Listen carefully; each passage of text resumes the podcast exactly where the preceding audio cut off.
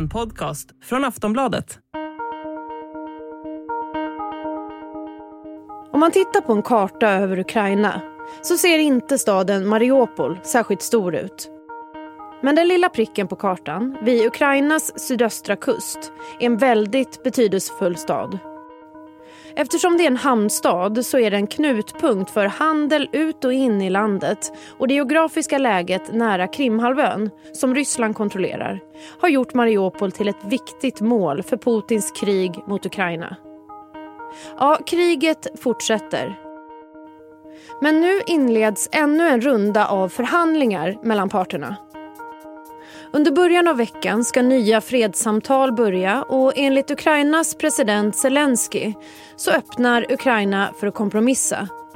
Det som ska vara möjligt att diskutera är statusen som neutralt land och Donbassregionen i östra delen av Ukraina där just bland annat staden Mariupol ligger. Kan det sluta med att Ukraina ger bort delar av landet till Ryssland? Och kan det avsluta kriget? Ja, vad kan ännu en runda förhandlingar leda till? Du lyssnar på nyhetspodden Aftonbladet Daily. Jag heter Amanda Hemberg Lind. Vår återkommande gäst i podden, Aftonbladets utrikespolitiska kommentator Wolfgang Hansson. Välkommen. Tack så mycket. Kan du sammanfatta krigsläget lite här i början? Var står kriget just nu? Ja, det står väl och stampar lite grann. Eh, vi har ju sett hur ryssarna har börjat gräva ner sig eh, i de norra delarna där de har försökt gå in mot Kiev tidigare. De, de, det är fortfarande en del strider i området men det verkar inte som ryssarna avancerar längre. Samtidigt så är det uppenbart att man fortfarande har eh, möjligheten att, att attackera var som helst i hela Ukraina med hjälp av de här kryssningsmissilerna. Och det gjorde man ju också i helgen i Lviv där man träffade bland annat en en stor eh, bränsledepå. Och den bombningen var säkert också kopplad till att eh, USAs president eh, Joe Biden var på besök i Polen vid gränsen till Ukraina ungefär samtidigt. Och det var väl en signal till, en present till Biden så att säga att du ska inte tro att vi är rädda för er och du vet att vi, om ni skickar in vapen till Ukraina så kommer vi att kunna bomba dem och så vidare. Eh, sen fortsätter ju eh, striderna i östra Ukraina och eh, särskilt runt eh, staden Mariupol har det ju varit fortsatt eh, häftiga strider. Eh, medan de, de västra delarna av landet är, är ganska lugna, åtminstone när det gäller också då markstrider. Så alltså där är det mest att, att ryssarna skickar in artilleri mot bostadsområden eller mot andra mål. Men Eh, man, man, har inga markstridskrafter i, i, stora delar av Ukraina och särskilt i västra Ukraina. Du nämner Mariupol där och jag tänkte i östra delen av Ukraina ligger ju den hamnstaden och det är ju en nyckelstad kan man ju säga. Kan du beskriva varför den är så viktig och hur Mariupol har påverkat kriget? Jo, den, för ryssarna är den staden väldigt viktig därför att om de intar den så kan de, få, de kan de knyta ihop den med de områden de redan behärskar i eh, Luhansk och Donetsk, eh, provinserna. Och då får de en landkorridor ner till Krim som de annekterade 2014. Och dessutom är ju Mariupol en, en viktig hamnstad. Man har ju då förbindelse ut till det som kallas Azovska sjön och som sedan kommer ut i Svarta havet. Eh, så då kontrollerar man ju också en del av Ukrainas möjlighet att exportera saker eh, ut ur landet och importera. Eh, och sen har ju Mariupol blivit en väldigt viktig symbol för den ukrainska sidan på deras motstånd, för de har ju gjort stenhårt motstånd här trots att ryssarna har bombat staden eh, timme efter timme, dag ut och dag in. Och man har ju till och med bombat teatrar och skolor och sånt där man vet att det har varit civila som har tagit skydd. Och väldigt många av de civila som har dödats i Ukraina har ju eh, dödats i, i just i Mariupol. Vi är strax tillbaka. Tired of ads barging into your favorite news podcasts? Good news. Ad-free listening is available on Amazon Music for all the music plus top podcasts included with your Prime membership. Stay up to date on everything newsworthy by downloading the Amazon Music app for free or go to amazon.com slash news ad free. That's amazon.com slash news ad free to catch up on the latest episodes without the ads.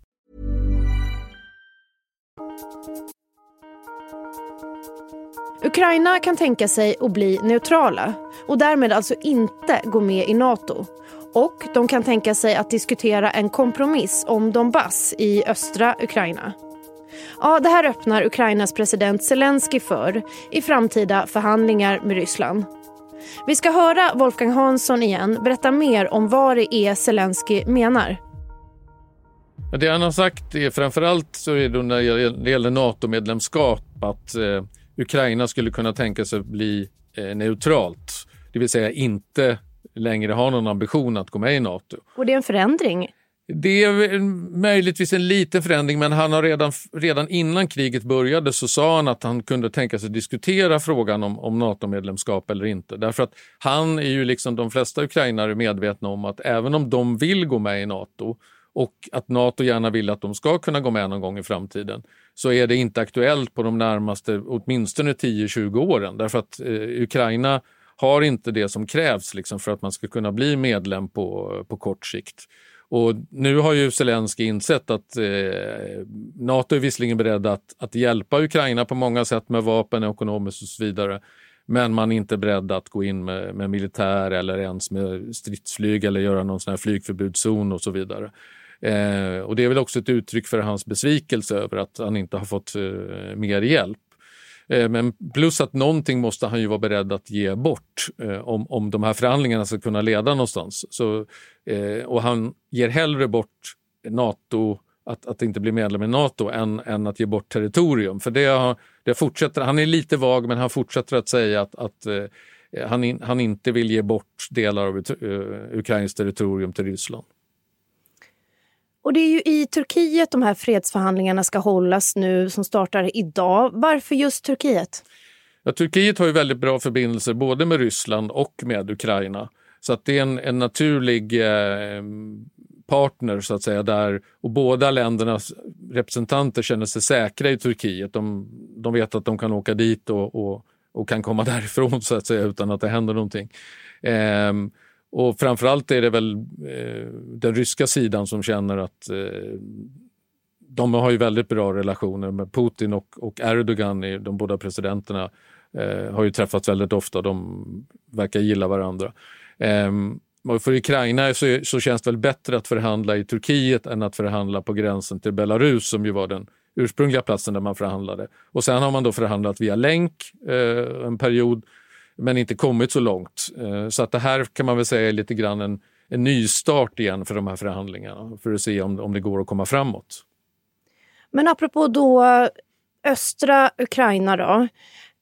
Är det ett byte av taktik vi ser nu? Kan Ryssland tänka sig att nöja sig så att säga, med, med delar av Ukraina, kanske östra delen då? Skulle det kunna bli ryskt? Eller hur kan du reda ut det där? Ja, det skulle det nog kunna bli eftersom vi har ju det här, he, hela det här området heter ju Donbass, men det är då, består av bland annat de två provinserna Luhansk och Donetsk. Och eh, delar av de provinserna behärskas redan av Ryssland. Eh, och nu går väl den ryska taktiken ut på att man ska försöka inta hela de här provinserna och knyta ihop dem med Mariupolområdet och kanske sen fortsätta ytterligare söderut ner mot Svarta havet. Då.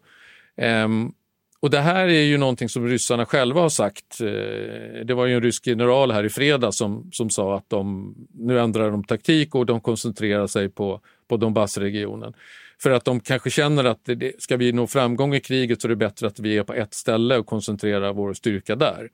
Sen vet man ju inte om det här bara är så att säga taktisk eh, manöver av, av ryssarna och att de säger så här men egentligen så handlar det om att okej, okay, vi, vi väntar nu, nu, nu är, vintern snart slut, det är väldigt lerigt och blött överallt, det är svårt att ta sig fram. Det är bättre att vi väntar till eh, försommaren när det torkar upp och då kan vi eh, återuppta kriget igen. Så det, det, kan ju bara vara att man omgrupperar och man låter soldaterna vila och sen så sätter man igång igen. Det, vi vet ju inte. Det, är ju, eh, det verkar ju som att ryssarna har delvis dragit sig tillbaka från de norra delarna som, som de, just det här an, anfallet mot Kiev som man planerade så att säga. Men det, de kan ju snabbt ändra sig igen, det vet man ju inte.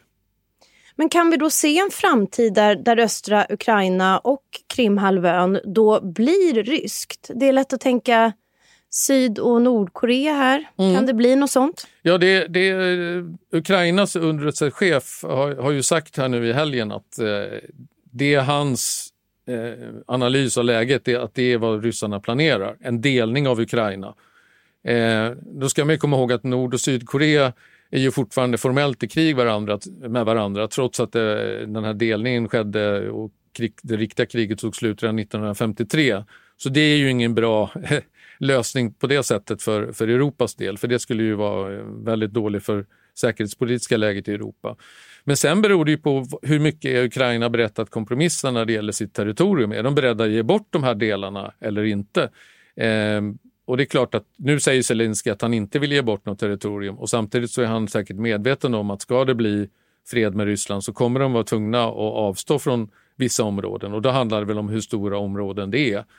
Och om det är någonting som man kan tänka sig ge bort så är det naturligtvis de här delarna eh, som dels i, i första hand är befolkade av rysk, ryskspråkiga, vilket ju många i Ukraina är, nästan alla är dubbelspråkiga. Liksom. Men, men det här är många människor i de här regionerna, de identifierar sig också med, med Ryssland.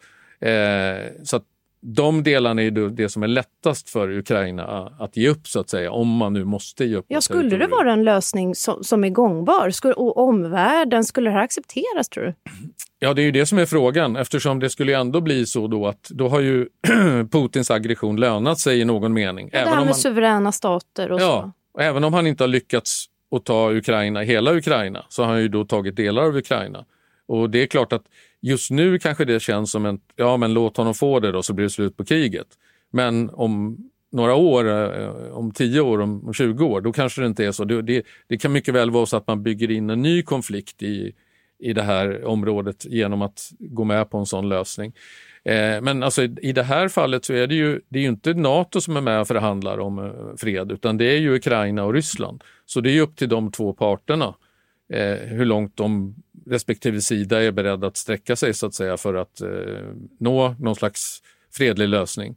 Eh, och jag menar, Ukraina har gjort väldigt bra motstånd hittills mot ryssarna och, och de har ju visat att eh, de kan, ryssarna kommer aldrig kunna inta Ukraina på det sättet att de kan dominera landet och vad folk vill eh, och tänker och så vidare. Men samtidigt så är det ju så att det är svårt för Ukraina att upprätthålla den här krigföringen eh, månad efter månad, år efter år. Så i något läge så måste man kanske gå med på en kompromiss för att liksom livet ska kunna återgå något sånär till det normala. Om vi jämför med i början av kriget, det är för dryga månader sedan nu. Är, är det någonting mer vi vet om ett eventuellt slut i horisonten? det går inte att vara särskilt optimistisk tyvärr eftersom det, det är svårt att se ett, eh, ett snabbt slut. Det har gått en dryg månad, eh, de här förhandlingarna. Eh, Vi har svårt att tänka mig att de kommer att nå någonstans. Det kommer säkert att ta månader innan man närmar sig någonting som skulle kunna likna ett fredsavtal. Ehm, men det man kan hoppas på det är ju att med om de här förhandlingarna bör, börjar ge någonting och man märker att båda sidor är villiga, att båda sidor vill få ett slut på kriget. För i början så var, var det nog inte så att ryssarna ville ha ett slut på kriget utan de ville bara ha en kanal för att samtala. Men om man båda sidor vill få ett slut på kriget, då kanske det kan handla om månader snarare än år. För annars är ju risken att det här, det här är sådana krig som kan fortsätta hur länge som helst där eh, det blir som det var i östra Ukraina eh, 2014. Det, det utbryter ett krig, man krigar rejält i eh, några månader och sen så dör det ner men, men kriget tar aldrig riktigt slut utan det bara fortsätter fast på en lågintensiv nivå. Och det är ju risken att det, att det blir samma sak igen och då, då fortsätter ju den här konflikten att, att eh, riva upp sår i den här säkerhetspolitiska ordningen i Europa. Tack för idag, Wolfgang Hansson, utrikespolitisk kommentator här på Aftonbladet. Tack. Det senaste om kriget kan du fortsatt följa i vår live-rapportering på aftonbladet.se. Nu har du hört Aftonbladet Daily, Sveriges största nyhetspodd med mig, Amanda Hemberg Lind. Tack för att du lyssnar och följ oss gärna i din poddspelare. Vi hörs.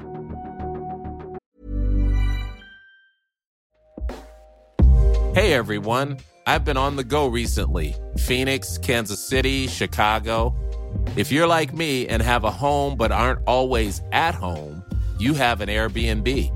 Hosting your home or a spare room is a very practical side hustle. If you live in a big game town, you can Airbnb your place for fans to stay in. Your home might be worth more than you think. Find out how much at airbnb.com/slash host.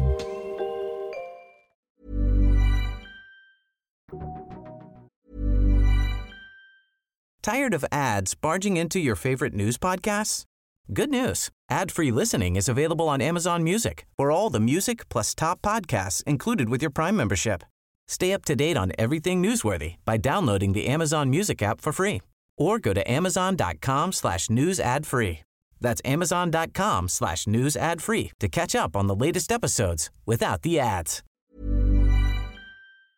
Du har lyssnat på en podcast från Aftonbladet. Ansvarig utgivare är Lena K Samuelsson.